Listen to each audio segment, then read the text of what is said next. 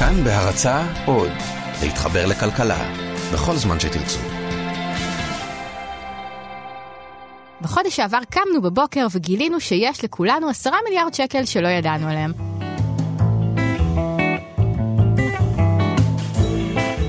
מאז הסכום הזה טיפס ל-17 מיליארד. וזה לא סופי. מה שקרה זה שרשות המיסים החליטה לעשות מבצע. שמעתם פעם את המונח חברות ארנק? כמו יאיר לפיד בעם, שיש להן עובד אחד בלבד שהוא גם הבעלים של החברה. המונח הזה נוגע בדרך כלל לכל מיני אה, יועצים ומנהלים מאוד מאוד בכירים עם משכורות מאוד גבוהות. אז הם מושכים משכורת קטנה מהחברה באופן שוטף, אבל את הכסף הגדול הם מושכים כדיבידנד, שזה בעצם סוג של משכורת שבעלים יכול למשוך מתוך הרווח של החברה שבבעלותו. על המשכורת שהם מושכים הם משלמים מס הכנסה, לפי מדרגות מס הכנסה הרגילות. אבל על הדיבידנד, על הכסף הגדול שהם יכולים למשוך, הם צריכים לשלם מס הכנסה של 30%. ובמקרה של הכנסה ממש ממש גבוהה, אפילו 33%. אבל גם את ה-30 או 33 אחוזים האלה, הרבה מבעלי חברות הארנק לא רוצים לשלם. אז הם מושכים כמה שהם צריכים, ואם יש להם עוד רווחים, הם פשוט משאירים אותם שם בינתיים, ומחכים. בסוף 2016 באה רשות המיסים ואמרה, היי, hey, אתם כולכם עם החברות ארנק, בואו. אנחנו יודעים שאתם מחביאים את הכסף שלכם שם, ואתם יודעים שאנחנו יודעים, אז בואו נעשה ככה. אתם תמשכו דיבידנד עד סוף חודש ספטמבר, ובמקום לשלם לנו 33% מס, נעשה מבצע. ניקח לכם רק 25% מס. רשות המיסים העריכה שהם ימשכו 4 מיליארד שקל, והיא תרוויח מזה מיליארד שקל מס. אבל אז קרה משהו אחר. מה שקרה זה שהם משכו פי 17 יותר כסף, כמעט 70 מיליארד שקל. והמדינה קיבלה בתמורה כבר 17 מיליארד שקלים במס. 17 מיליארד. רק שאנחנו לא הולכים לראות מזה כלום. טוב, זה לא מדויק שלא נראה מזה כלום, אבל ה-17 מיליארד שקלים האלה לא יהפכו להיות חלק מתקציב המדינה. למעשה, התקציב עצמו סביר להניח שיעבור קיצוץ רוחבי. וזה מה שמשגע ומעצבן המון אנשים עכשיו, גם אותי, איך זה יכול להיות? איך זה הגיוני שהמדינה מקבלת כסף מהשמיים ומחליטה לא לתת אותו לאזרחים שלה, ובמקום להרחיב את השירותים החברתיים היא מצמצמת אותם, או לפחות ממשיכה להגביל אותם? איך זה יכול להיות שיש גם עודף וגם קיצוץ? לאן הכסף הזה הולך? בשביל לענות על השאלה הזאת, צריך להבין איך עובד התקציב.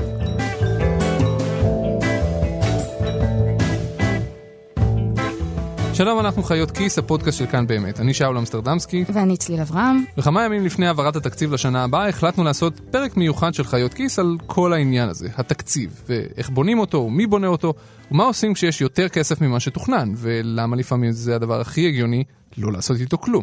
בקיצור, אתם הולכים לשבור את שיחת הסלון בשישי בערב. אבל לפני זה, בואו נבין מה זה התקציב.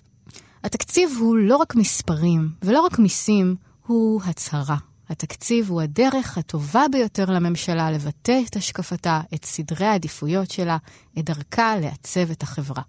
אוקיי, ממתי את מדברת ככה? אני לא, זה מה שיאיר לפיד כתב בהקדמה לספר התקציב 2013-2014.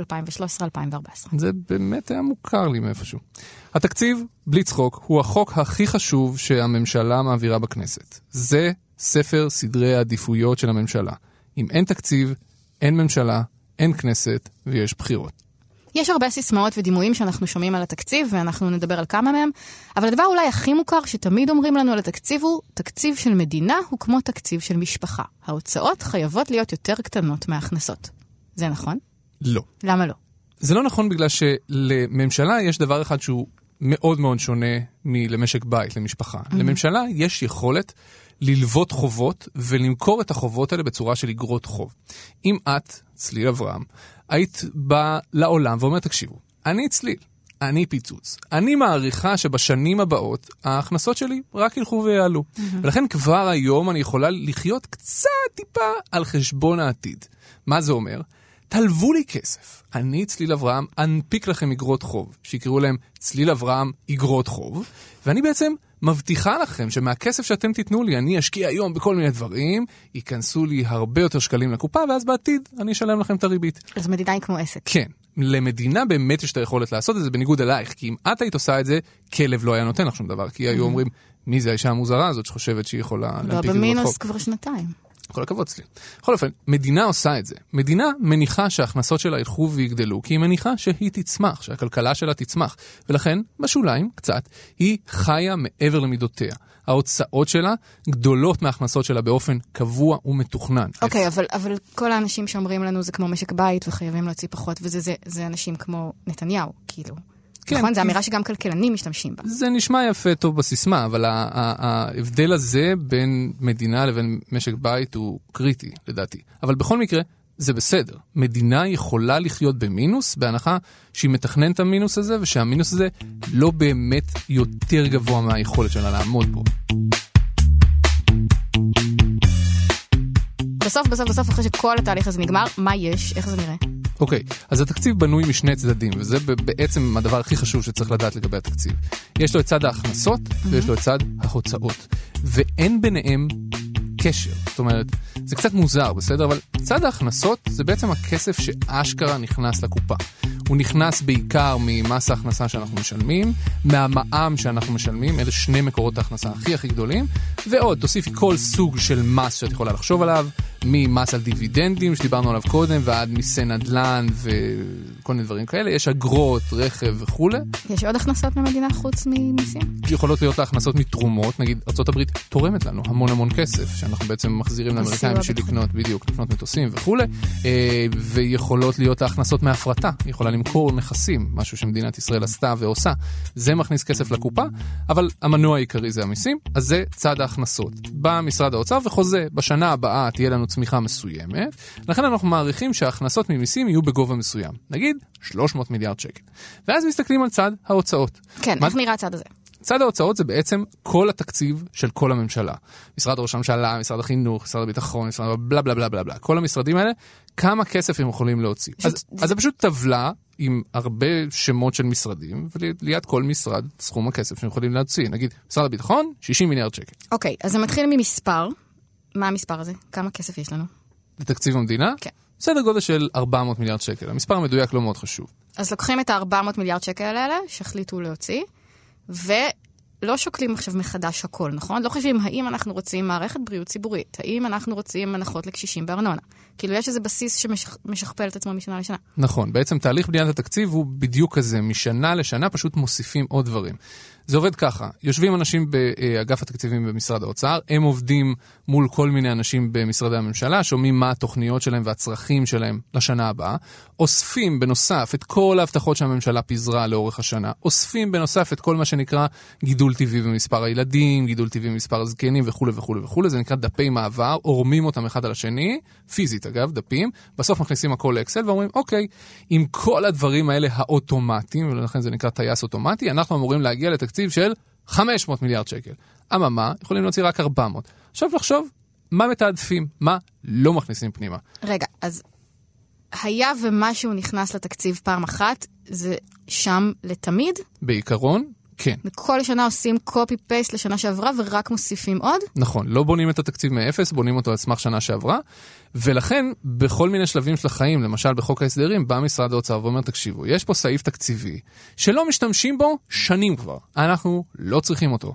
או יש פה תוכנית שהיא לא אפקטיבית, אנחנו משתמשים בה, אבל היא לא טובה. זה נשמע כאילו כמו דרך ממש טובה לבזבז המון כסף. אם כל מה שנכנס פעם אחת נשאר שם לתמיד, ואין על זה שום בקרה.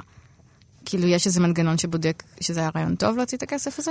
יש מנגנון כזה, אגב, הוא, הוא פועל בכל מיני מדינות אחרות, זה נקרא expense review. אה, אחת לשנה לשבת, כל משרד אמור לעשות את זה ולהגיד, אוקיי, נגיד אני משרד החינוך, יש לי 20 תוכניות לטיפול בנוער מנותק, 18 לא עובדות, 2 כן, בוא נזרוק את ה-18 ואת ה-2 נרחיב לפריסה ארצית או משהו כזה. זה עובד בבריטניה או במקומות אחרים. בישראל, תתפלאי, אין דבר כזה. בשנתיים האחרונות, משרד האוצר התחיל להגיד למשרד, למשרדי הממשלה, תחשיבו, אתם צריכים לעשות את זה, ואם אתם לא תעשו את זה, אני באופן אוטומטי אקצץ לכם, לא זוכר, נגיד 2% מהתקציב. חלק ממשרדי הממשלה בלעו את התמריץ הזה והציגו בעצמם, אוקיי, אנחנו לא צריכים את התוכניות האלה, בואו נוותר עליהן ונשתמש בכסף למשהו אחר. Mm-hmm. יש משרדי הממשלה שאפילו לא הגיבו.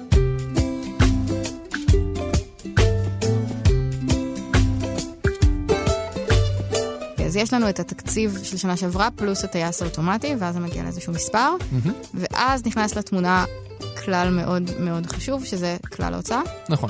שקובע בעצם לממשלה כמה מותר לה להוציא במקסימום. מה המקסימום שלא ניתן לחרוג ממנו. בוא נלך אחורה להיסטוריה, לשנת 2003, כשראש הממשלה נתניהו היה שר האוצר בממשלת שרון. אז קבעו באופן שרירותי לחלוטין שתקציב המדינה יגדל משנה לשנה בלא יותר מ-1.7%. לפני זה זה לא היה קבוע. כאילו, בואו נשב ונחליט מה נראה לנו הגיוני כזה? כיפופי ידיים. אוקיי, למה דווקא 1.7 אחוזים? כי זה קצת פחות מקצב הריבוי הטבעי של כל האוכלוסייה. אבל אז הגיעו כמה שנים טובות, עד המשבר של 2008, ונכנסו המון כסף אה, לקופת המדינה, ובאופן כללי הכלכלה פה פרחה. ואז כל מיני אנשים, כל מיני כלכלנים, כל מיני חברי כנסת אמרו, מה זה 1.7 אחוזים הזה? למה אנחנו נעולים על זה? למה לא 1.8 אחוזים? למה לא 2 אחוזים? כאילו לא המדינה 2.5 הכניסה? עוד ועוד כסף והייתה צמיחה, ועדיין לא משנה מה, אי אפשר להוציא יותר מ-1.7 אחוזים. יש 5 אחוז צמיחה, ועדיין אי אפשר להוציא יותר מזה? נכון. המטרה של הדבר הזה בעצם הייתה לשמור על ממשלה קטנה. לשמור על זה שהממשלה לא תוציא יותר מדי כסף, לא תהפוך לחלק גדול מדי במשק הישראלי. אז זה עבד, אבל רק עד אז, ואז הגיעו למשל מנואל טרכטנברג, שהיה אז היועץ הכלכלי של ראש הממשלה אה, אהוד אולמרט, ובסופו של דבר בתהליך הדרגתי, זה לקח כמה שנים, הם ממש בנו כלל הוצאה, שמורכב מאיזושהי נוסחה אה, מורכבת מכל מיני פרמטרים, אבל לא משנה, הגיעו בסופו של דבר לכך שההוצאה גדלה משנה לשנה בערך ב-2.5%. גם המספר הזה הוא די שרירותי, למרות שהוא נשען על איזושהי נוסחה, בואי, זה פחות או יותר המספר שהאוצר רצה להגיע אליו, ואם לא היו מגיעים אליו, אז היו משנים קצת את הנוסחה. אוקיי, ויעד הגירעון? יעד הגירעון זה הדבר היחידי שמחבר בעצם בין צד ההכנסות לבין צד ההוצאות. אמרנו, צד ההכנסות זה כל הכסף שנכנס לקופה ממיסים, או יותר נכון, התחזית של האוצר של מה ייכנס לקופה. צד ההוצאות מוגבל על ידי כלל ההוצאה, זאת אומרת, אנחנו יודעים מה יהיה תקציב השנה הבאה במקסימום, ועכשיו אנחנו צריכים לחבר ביניהם. איך מחברים ביניהם? החיבור ביניהם הוא הגירעון. הגירעון הוא בעצם ההפרש שבין ההוצאות לבין ההכנסות. זה המינוס שלנו. ומה שבעצם משרד האוצר בא ואומר, בחוק, וזו תקרת הגירעון, הגירעון, ההפרש בין ההוצאות לבין ההכנסות, לא יכול להיות גבוה ממספר מסוים. כמה זה? זה משתנה. המספר הזה הוא אחוז מהתוצר. התוצר שלנו הוא בערך טריליון ושלוש מאות מיליארד שקלים, והגירעון הוא אחוז מתוך זה. בשנים שראש הממשלה נגיד היה שר אוצר, תקרת הגירעון המקסימלית הייתה אחוז אחד, אי אפשר היה לעבור את זה. זה מעט מאוד, זה mm-hmm. נותן לממשלה מעט מאוד מקום להגדיל את ההוצאות שלה, אוקיי? ובשנים שלאחר מכן אה, הלכו והגמישו את הדבר הזה עד שהגיע אפילו קרוב לחמישה אחוזים, ועכשיו תקרת הגירעון, זה קצת כמו בסופר, עומדת על 2.9 אחוזים. רק לא להגיע לשלוש, אצל יאיר לפיד זה אפילו היה 4.99 או 2.99. למה לא להגיע לשלוש? כי שלוש נחשב, שלושה אחוזים נחשב בעיני ה-OECD וכל מיני גופים כאלה כגבול חוסר האחריות. כל המונחים האלה אין כבר... לזה שום קשר, זה שזה מספר עגול ויפה. לא, כל המונחים האלה כבר הולכים ומשתנים בשנים האחרונות בגלל המשבר וכל מיני התנהגויות כאלה ואחרות של מדינות, אבל בגדול הממשלה שואפת להיות פחות משלושה אחוזים, בין היתר גם כי זה פחות או יותר קצב הצמיחה של המשק. ואם את תהיי בגירעון יותר גבוה ממה שהמשק צומח, זוכרת בהתחלה אמרנו, אנחנו יכולים ללוות קצת מהעתיד אם המשק שלנו צומח, אבל אם את לובה יותר ממה שאת צומחת, את בעצם לובה יותר ממידותייך. אוקיי, אבל עכשיו אנחנו לווים הרבה פחות. אנחנו לווים, כן, אנחנו לווים הרבה פחות. זאת אומרת, תקרת הגירעון היא 2.9 אחוזים, אבל אנחנו לא מגיעים לשם. אנחנו מסיימים את השנה עם גירעון יותר נמוך. נגיד השנה, אם ייקחו את כל עודפי הגבייה האלה, אנחנו יכולים לסיים עם גירעון של פחות מ-2 אחוזים. למה זה כל כך חשוב ומה אכפת לנו? אוקיי. הגירעון הוא בעצם לקחת הלוואה מהעתיד, מצליל של העתיד, mm-hmm. מהילדים העתידיים של צליל, mm-hmm. אוקיי? לא בטוח שזה הדבר הכי מוסרי בעולם, להפיל עליהם את כל הרצון שלך ברמת חיים מסוימת. איך לוקחים מהם את ההלוואה? את ההלוואה הזאת לוקחים בעצם על ידי הנפקת אגרות חוב. באה הממשלה ואומרת, היי, אני צריכה עשרה מיליארד שקלים, קחו אגרות חוב שלי. אגרות חוב האלה בעצם זה הבטחה של הממשלה לשלם ביום מסוים ריבית מסוימת. א', הממשלה תמיד יכולה לא לעמוד בזה, אבל זה כבר סיפור אחר, זה שמיטת חובות והסדר חובות, אני שם את זה בצד. אם היא בעצם לוקחת את ההלוואה הזאת, זה אומר ש... מישהו יצטרך לשלם עליה. ולקבל אותה חזרה עם ריבית. נכון. אז זה דווקא נחמד, כאילו יכול להיות בזה משהו נחמד. זה היתרון שיש בדבר הזה, ולכן קרנות הפנסיה, שזה בעצם הגוף העיקרי שמלווה את הכסף הזה לממשלה, עושה את זה. הממשלה מבטיחה לו כסף. אבל מישהו משלם את הריבית הזאת. הריבית הזאת לא באה מהשמיים. היא באה מתקציב המדינה. Mm-hmm. מי שמממן את תקציב המדינה, אלה משלמי המיסים. Mm-hmm. ומי שמממן את החזרי הריבית העתידיים, הם משלמי המיסים העתידיים. אז אנחנו עכשיו משלמים ריבית לאנשים שהלוו לנו כסף לפני, מה, 10-20 שנה? ואפילו יותר מזה. אוקיי. ההורים שלנו. אנחנו מממנים היום בתשלומי המיסים שלנו את רמת החיים הגבוהה של הדור של ההורים שלנו. אבל זה דבר טוב שיש להורים שלנו אג"חים באגרות הפנסיה והם מקבלים עליהם עכשיו ריבית. הכל- אם זה לא היה, זה, זה גם לא היה מצב כל כך. הכל נחמד, כל עוד זה לפי המידה. אם חלק גדול מדי מהתקציב השוטף הולך לתשלומי ריבית, Mm-hmm. זה אומר שיש פחות מדי כסף לממן את כל השירותים הציבוריים שאת מה רוצה. זה חלק גדול מדי? אוקיי, זה כבר שאלה של מידה, אבל בישראל תשלומי הריבית הם איפשהו באזור ה-40 מיליארד שקל, כבר קצת פחות מזה, כי בשנים האחרונות טוב. אנחנו יורדים.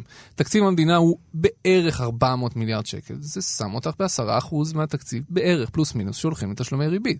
זה הרבה הרבה הרבה מאוד כסף. סתם בשביל לתת השוואה, אה, במערכת הביטחון, מתוך התקציב שלה, בערך 10% הולכים לתשלומי פנסיה תקציבית. בואי, זה ממש הרבה, זה אבל חונק את הצבא. עדיף- זה עדיף- אותו דבר. אבל היה עדיף שלא היו לוקחים את הכסף הזה? לפי התפיסה הכלכלית שלי, וזה עניין של תפיסות Mm-hmm. עולם, זה צריך להיעשות פשוט במידה. תחשבי מה היה קורה אם היו לך עוד 40 מיליארד שקל פנויים בתקציב לעשות איתם דברים. אבל היה לי אותם כשלוויתי אותם, ואז בניתי איתם את מערכת הבריאות הדי טובה שיש לנו בארץ. או שיכול להיות שעשיתי איתם דברים שהם לא מעודדי צמיחה, או סביר לא להניח שגם מעודדי וגם. שירותים. זה בדיוק המקום שלנו, להקפיד שאנחנו לא עושים סתם דברים. זאת אומרת, נגיד, לא סתם נותנים כסף לכל מיני מטרות פוליטיות שמשרתות קבוצות לחץ מאוד מצומצמות, או קבוצות אינטרסנטים מאוד מצומצמות, אלא אשכרה משקיעים את זה בכסף שעוזר לכולנו, גם נותן לנו שירותים בסיסיים, וגם מצמיח או עוזר להצמיח את המשק קדימה. אוקיי, אז ה- המס על הדיבידנדים האלה של החברות ארנק שדיברנו עליו בהתחלה, איפה הוא נמצא עכשיו? הוא הגיע לצד ההכנסות. צד ההכנסות כרגע עומד על בערך 17 מיליארד שקלים, יותר מהתחזית המקורית של משרד האוצר. זה מה שנקרא עודפי הגבייה. Mm-hmm. זה מצחיק לקרוא לזה ככה בכלל. זה לא שיש לנו עודפים. זה לא שיש לנו עכשיו דליים של כסף ואנחנו, אוקיי, מה זה כל הדליים של כסף האלה, מה נעשה? יש מה לעשות עם הכסף הזה. אני מזכיר לך, אנחנו מוציאים יותר ממה שאנחנו מכניסים. כלומר שאם יש לנו עודפי גבייה, זה בסך הכל אומר שיש לנו פחות גירעון. זה מה שזה אומר, שאנחנו צריכים ללוות פחות כסף בשביל לממן את הפער שבין ההוצאות לבין ההכנסות. בואי, זה דבר די טוב. הכסף הזה בעצם יקטין את הגירעון. יקטין את הגירעון במובן זה שהממשלה תצטרך ללוות פחות כסף בשביל לממן את הפער שבין ההוצאות שלה להכנסות שלה.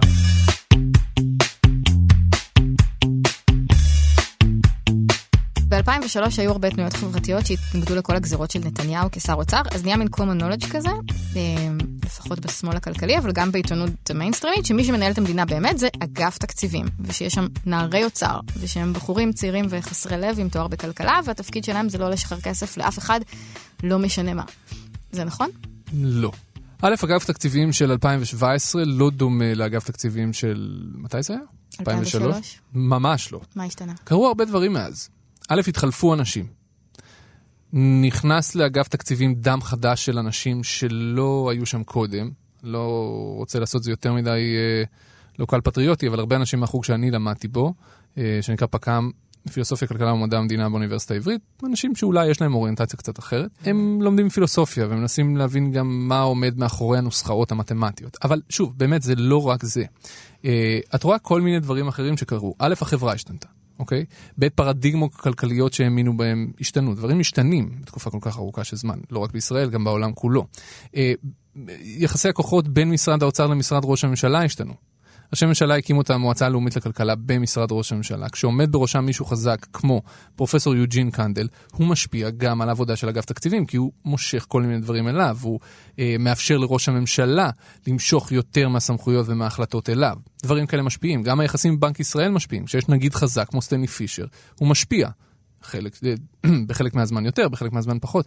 כל הדברים האלה משפיעים מאוד. זאת אומרת, גם מבניים, גם אידיאולוגיים, גם פנים פוליטיים אה, וגם, את יודעת, אישיים בסוף. אז זה פחות חזקים היום משהם היו אז? לדעתי חד משמעית כן, ויש גם אנשים שמנסים בכוח להפוך אותם לפחות חזקים. אני לא מנסה להציג אותם בתור חייבים להציל את uh, פקידי אגף תקציבים, uh, אבל זה, זה נכנס לשדה של במה את מאמינה. את מאמינה ב... אה, דמוקרטיה שהיא דמוקרטיה אה, אה, נציגותית, שנבחרי הציבור הם קובעי המדיניות וצריך לתת להם את הצ'אנס ולהטיל עליהם את האחריות ולתת בהם אמון. אחרת? כן, יש טכנוקרטיה, שהפקידים ישלטו. אז השאלה, איפה את שמה את עצמך מבחינה תפיסתית על הסקאלה? אני חייב להגיד, זה לא כל כך יפה אולי, אני יותר נוטה לטכנוקרטיה. למה? תסביר שנייה, מה עושים באגף תקציבים? מה היתרונות שלו? אחד האתוסים של אגף תקציבים זה אנחנו שומרי הקופה. הם תופסים את עצמם כמי שמגינים על הקופה בעיקר מידי הפוליטיקאים. הם עוד בצדק, שלא בצדק, במידה מסוימת של צדק, עדיין ניזונים מהטראומה של 1985. 1985, תוכנית הייצוב הגדולה, אחרי כמה שנים של היפר-אינפלציה והשתוללות תקציבית באמת אבל מופרעת של שרי הממשלה, הביאה לזה שב-85 יש קו שבר מאוד מאוד ברור, ובין הדברים שעשו בתוכנית הזאת זה לתת לאגף תקציבים המון המון כוח וסמכויות, בין היתר למשל לקבוע למשרד ממשלתי מה גובה התקציב שלו, באופן ביזארי. קודם הם היו יכולים לקבוע, אבל המשרד הממשלתי עשה מה שהוא רוצה, והוציא יותר כסף ממה שהיה לו. היום אנחנו לא יכולים לדמיין בכלל מצב כזה, אבל זה אחד מהדברים שנתנו לאגף תקציבים את הכוח שלהם. אז מי שמחליט מה גובה התקציב של משרד מסוים זה פקיד? תראי, בסוף בסוף בסוף מי שמרים את האצבע אלה השרים. האם הפקידים יש להם חלק מאוד מאוד חשוב בתהליך הזה? כן. זה איזשהו מישמש. האם יש היום לפקידי אגף תקציבים יותר מדי כוח? לדעתי לא. האם בעבר היה להם יותר מדי כוח? לדעתי כן. מה היחס ביניהם לבין השרים? יש שם מאזן אימה. זאת אומרת, הממשלה יכולה לקבל החלטה. נגיד, שמים 20 מיליון שקל על X. מישהו צריך לבצע את זה בסוף. מישהו צריך לתקצב את הסעיף התקציבי ב-20 מיליון. ואני כבר ראיתי דברים בעיניי, שבו פקיד באגף תקציבים אמר, 20 מיליון זה יותר מדי. בוא נשים 10 מיליון. אבל אף אחד לא בחר אותם. מי, מי, למה? זה, מי... זה נכון, אבל אחד מהלכי הרוח שם זה, הם במילא לא יוציאו 20 מיליון. בוא ניתן להם 10 מיליון. יוציאו 10 מיליון? נגרד עוד 10 מיליון מאיפשהו. אגב, בחלק מהפעמים את יכולה לראות שפקידי אגף תקציבים, ויגידו לך את זה אין ספור פקידים במשרדי ממשלה אחרים, פקידי אגף תקציבים, נגיד השר יבוא, שר האוצר יבוא ויפיל עליהם איזושהי תוכנית, נגיד מע"מ אפס שיאיר לפיד, בסדר? הם התנגדו לתוכנית הזאת, הם חושבים שזו תוכנית רעה, והם נסו לשכנע את השר, אבל את השר לא מעניין. יש מע"מ אפס והוא יוצא עם זה בידיעות אחרונות, וזהו, ויש מע"מ אפס. אבל זה נדיר. זה קורה יותר ממה שאת חושבת, אוקיי? לאו דווקא ב- בעוצמה, בווליום של, של uh, uh, מע"מ אפס. את יודעת מה עושים פקידי אגף תקציבים מאחורי הקלעים? הם משכנעים את חברי הכנסת בצורות יותר מתוחכמות ופחות מתוחכמות למרוח ולמסמס ולהרוג את מע"מ אפס.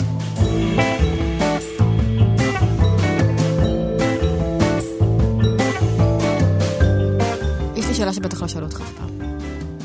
מה זה חוק ההסדרים? חוק ההסדרים זה בעצם משהו שגם הוא נולד ב-1985, והוא נלווה בעצם לתקציב המדינה. כאילו אחרי שגמרנו את כל העבודה הזאת, יש עוד חוק ההסדרים קטן שבא אחרי התקציב?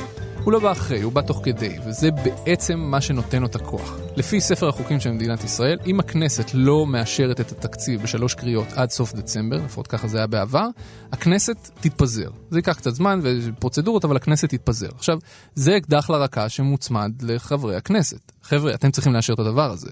אם לא, אתם הולכים הביתה.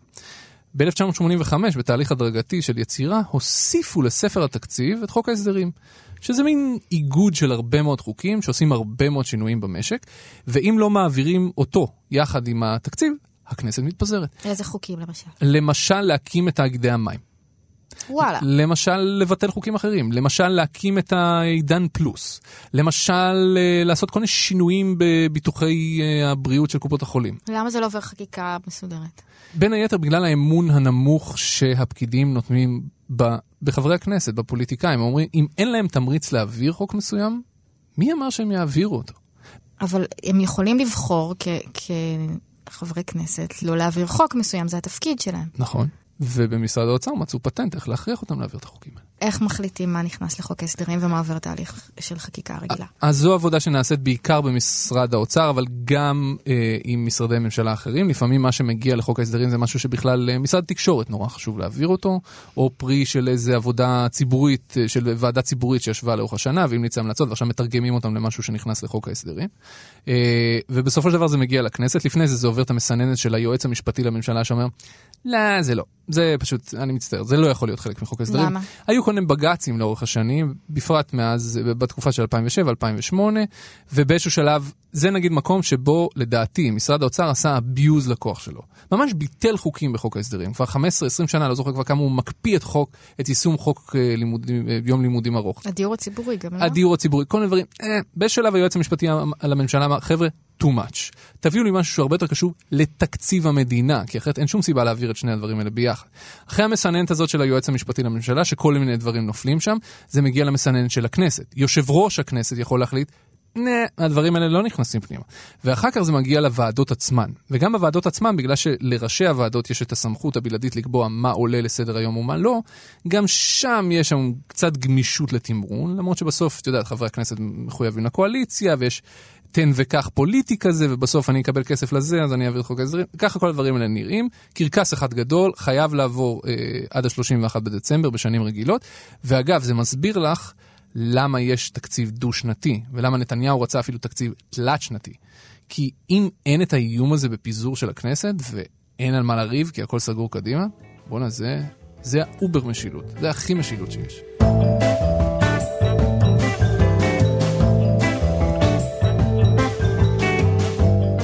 אוקיי, אז כאילו כל מה שאתם מדברים עליו פה קורה עכשיו? זה, כן. זה מה שעכשיו קורה? ממש עכשיו. ואיך ומתי זה אמור להיגמר? תראי, עד איפשהו תחילת דצמבר השרים יריבו, יריבו, יריבו, יריבו, ויחליטו איך הם מחלקים קצת את הרזרבה שיש בתקציב לשנה הבאה. הוא יקבל קצת, הוא יקבל קצת, הוא יקבל קצת, ייתכן שאפילו הסתדרות תיכנס לזה, לכי תדעי. אם צד ההכנסות, עם כל המיליארדים האלה ששוכבים שם שהגיעו ממיסים, גם איתם יצטרכו להחליט מה עושים. אני מעריך שמתוך נגיד 17 מיליארד, 15 מיליארד, סדר גודל, ילכו להקטנת הגירעון, ושבשוליים במיליארד, שניים, שלושה, כחלון אולי יחלק סוכריות חד פעמיות, לא יודע מה, נקודות זיכוי חד פעמיות למילואימניקים או כל מיני דברים, חד פעמיים כאלה, כאלה שלא אה, עושים שינויים אה, קבועים, וזהו.